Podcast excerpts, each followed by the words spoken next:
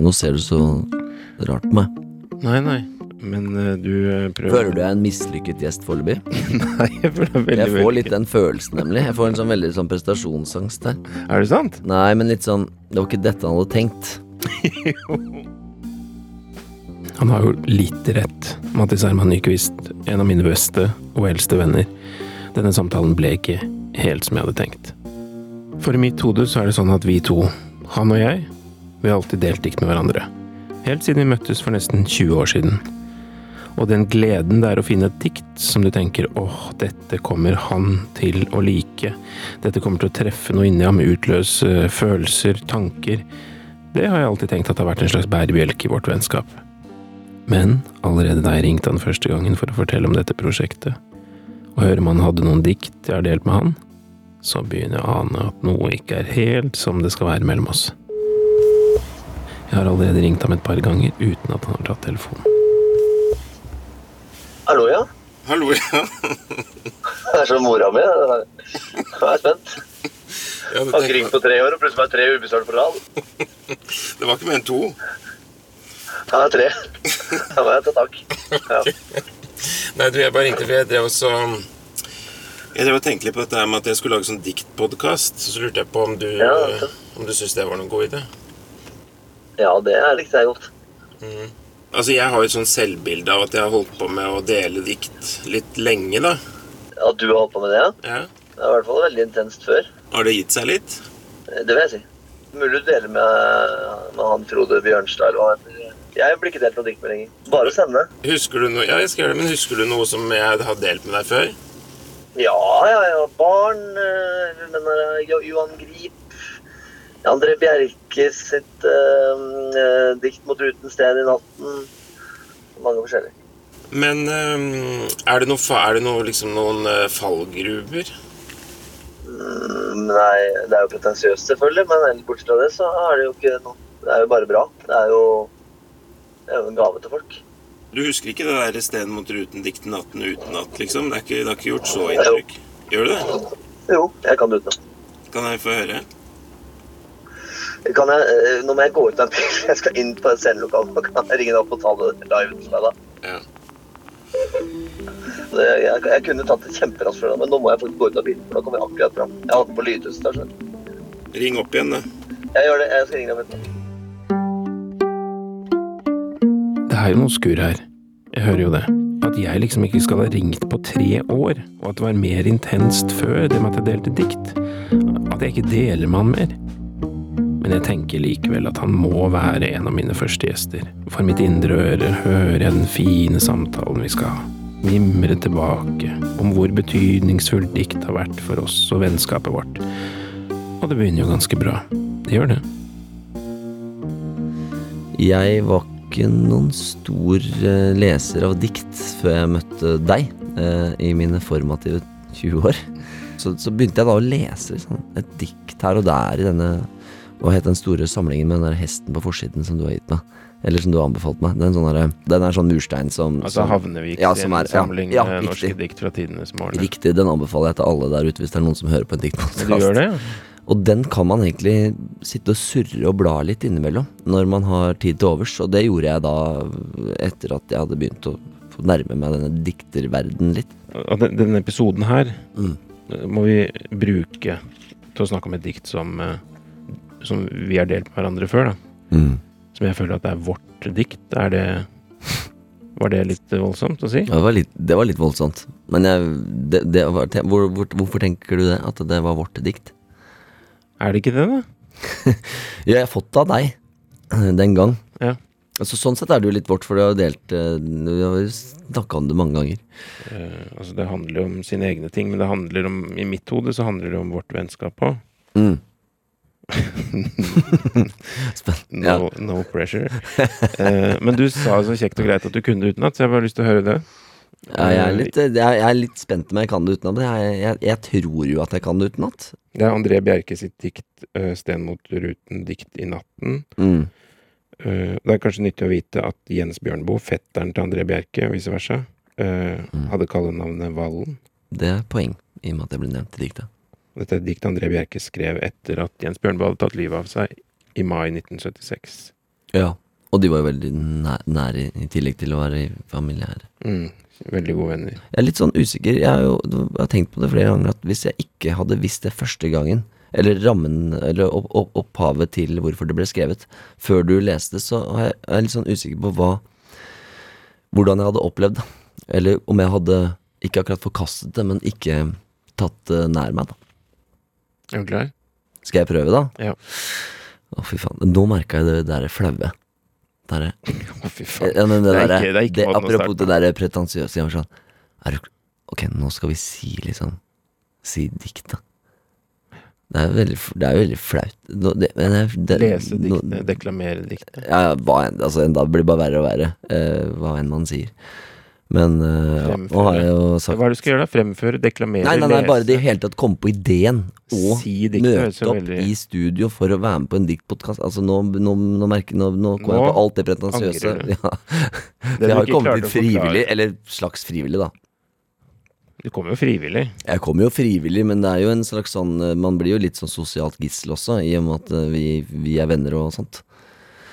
Så hvis du spør, hvis jeg spør deg Du, kan du komme med ditten hjelpe meg med ditten eller datten, så, så får, har vel du en slags forplik... Eller har kanskje ikke det, en viss forpliktelse. Når jeg tenker meg om, så er ikke du vel først på ballen der, nei. Men der er jeg, da. Der er vi litt forskjellige.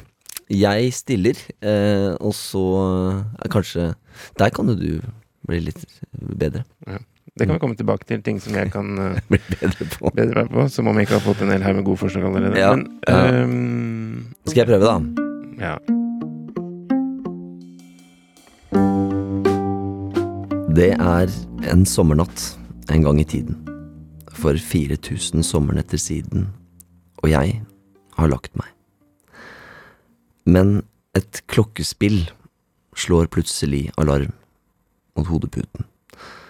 Et gutteværelsevindu klirrer til av sten mot ruten. Og det er ingenting jeg heller vil enn å bli vekket litt i sommernatten. Farvel er klokken tolv, men jeg er 18. Og 18-åringen er lutterøre for sten mot rutene i måneskinn. En stemme. Det er Vallen, slipp meg inn. Jeg fant et dikt i kveld som du må høre. Så går i natten til det gryr av dag et nyoppdaget dikt av Wilhelm Krag den uforbederlige, lest av ham som fant i kveld sitt eget livsprogram. Og det er som det skulle hendt i går, men ruten klirret gjennom 40 år, og alltid var det Valen som kom inn med siste funn av dikt i måneskinn. Og mitt gutteværelsevindu er det samme. Der står en kveld i glass og ramme som før, og ingen tid er gått imens. En rute klirrer. Det må være Jens. Å, uforbederlige nattånd. Det kunne ligne deg å komme sånn. Jeg våker. Jeg er fortsatt lutterøre. Fant du et dikt i kveld som jeg må høre?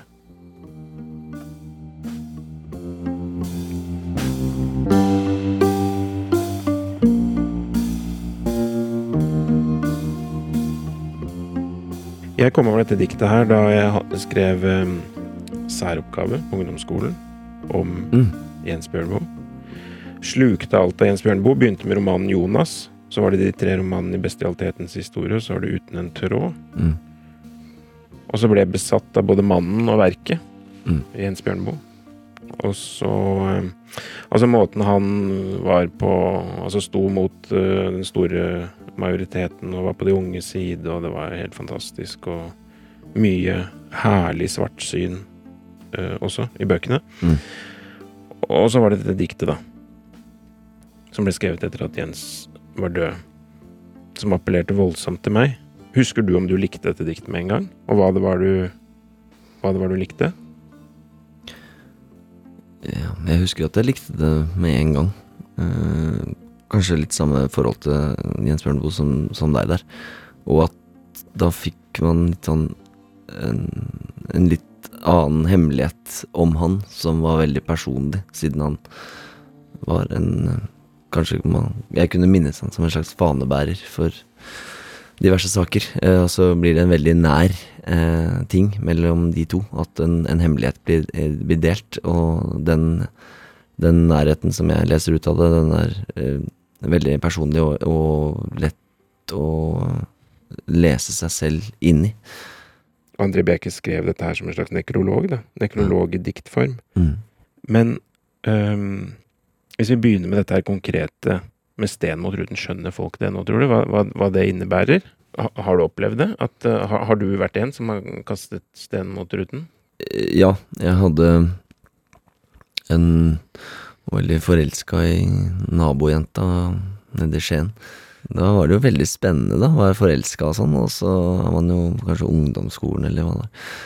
Og da liksom da kunne liksom kommunisere sånn Gå bort der på kvelden, sånn, snike seg ut hjemmefra, banke på vinduet og sånn. Gå inn, komme inn vinduet der. Eh, og så ja, være sammen på ro, og så gå hjem igjen. Liksom, og så må man jo snike seg inn hjemme uten å bli oppdaget, for da må man sneke seg ut etter leggetid og sånne ting. Får ikke den samme med SMS eller Messenger, liksom, eller hva det skulle være man skulle kommunisere på. Det blir mer forhøyet, da, hele denne liksom, fasen. Og nå er det kanskje ringe en mobil som står på lydløs, men vibrerer, eller sende en ja. SMS. Det er ikke så romantisk, altså. Mattis Herman har faktisk kastet sten mot ruten en gang i tiden.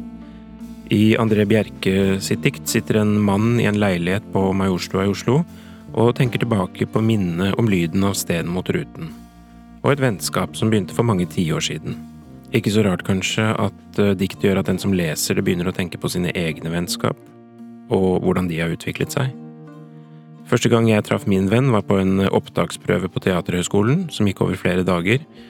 Jeg husker at vi sto ved et rekkverk med utsikt nedover i etasjene og snakket, og jeg tenkte vi burde være venner. Men uh, vi utvekslet ikke nummer.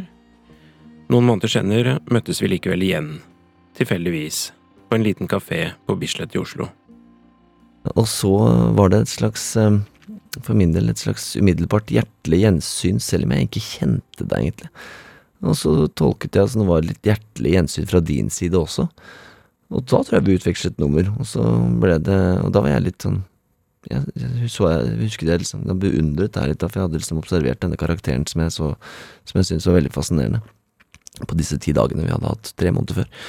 Og så utvekslet vi nummer, og så og så kom vi i kontakt liksom etter det, og begynte å drikke kaffe og sitte og prate og Jeg husker ikke steder, eller jeg vet at du bodde på Grünerløkka på den tiden der.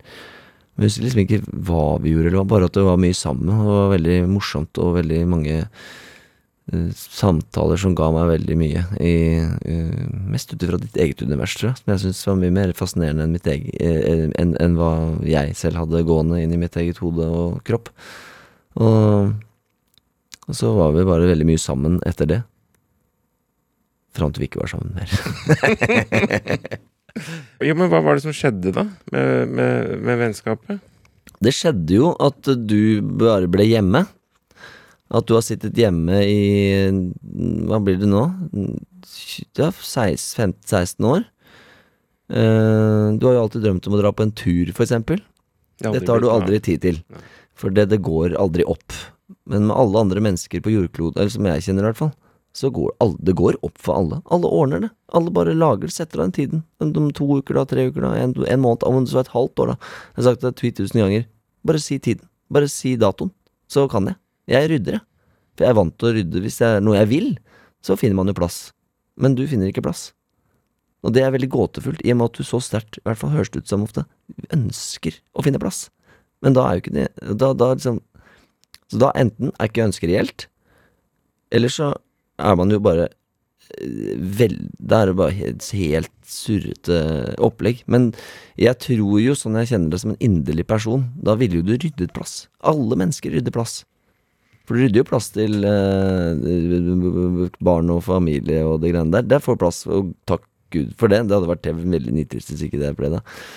Men eh, så hvis man eh, vil noe på ekte, og det trenger ikke være mange ting, så ordner man plass. Dette er jo du enig i, sikkert. Mm. Så hadde du ønsket det, så hadde du fått det til. Og ikke bare én gang, men 100 ganger. Hvorfor eh, rydder du ikke plass?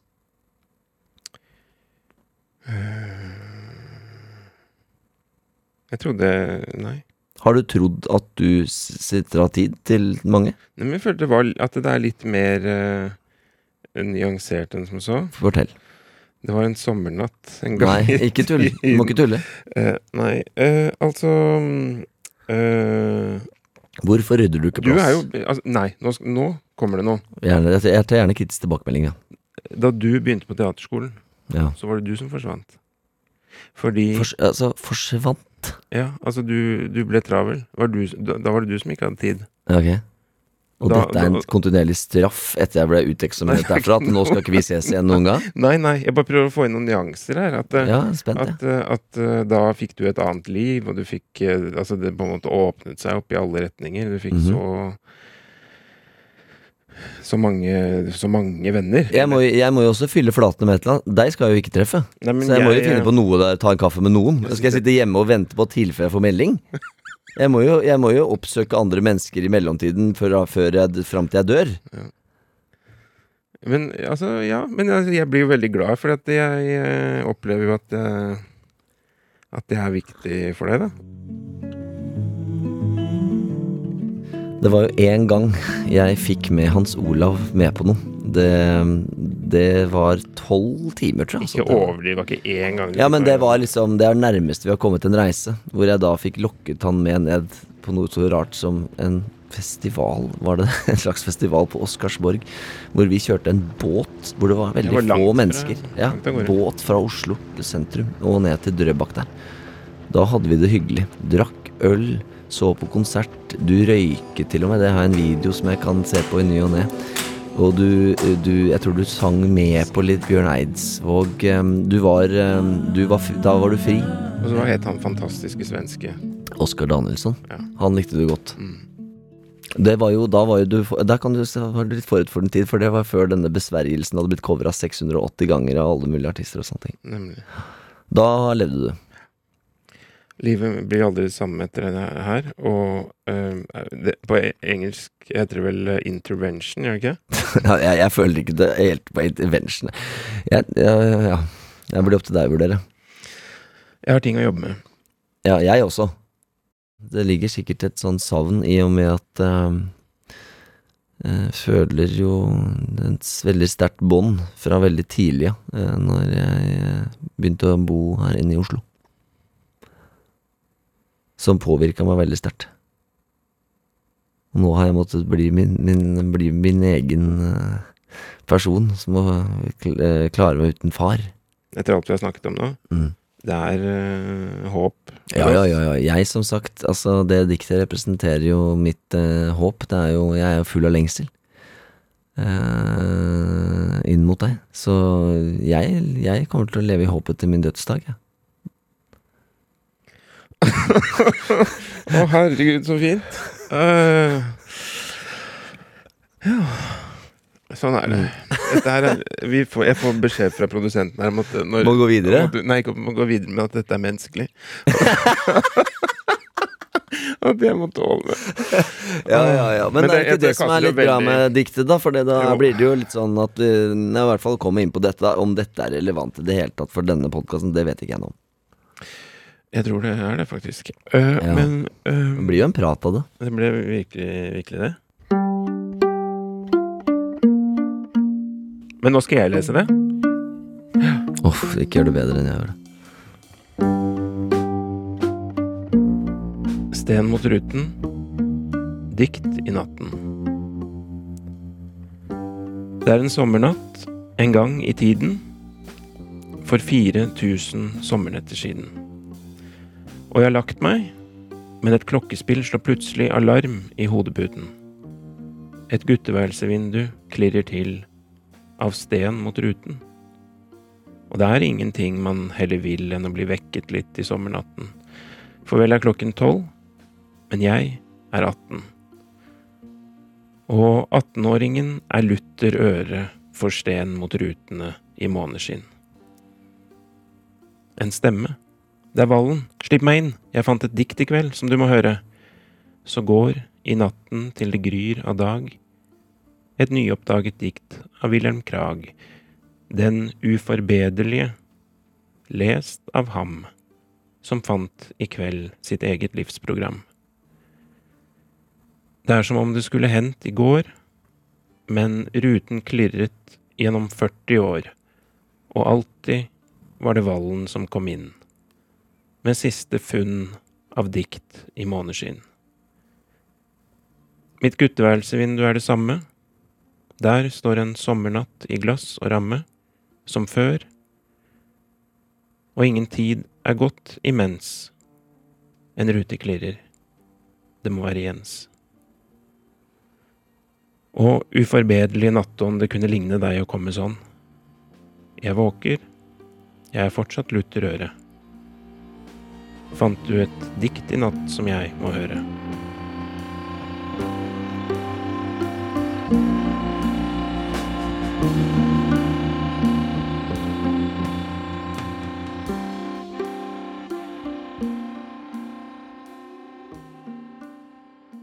I denne podkasten prøver vi å formidle gleden ved å dele dikt, så del gjerne Brenner deler dikt med en god venn som du har lyst til å treffe mer i 2022.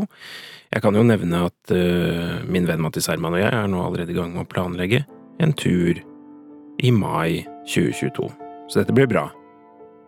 I neste episode av Brenner deler dikt så skal vi høre hvilke ord det var som kom Lara Rashid til unnsetning da hun ble spurt om å holde en tale i begravelsen til søsteren Bano.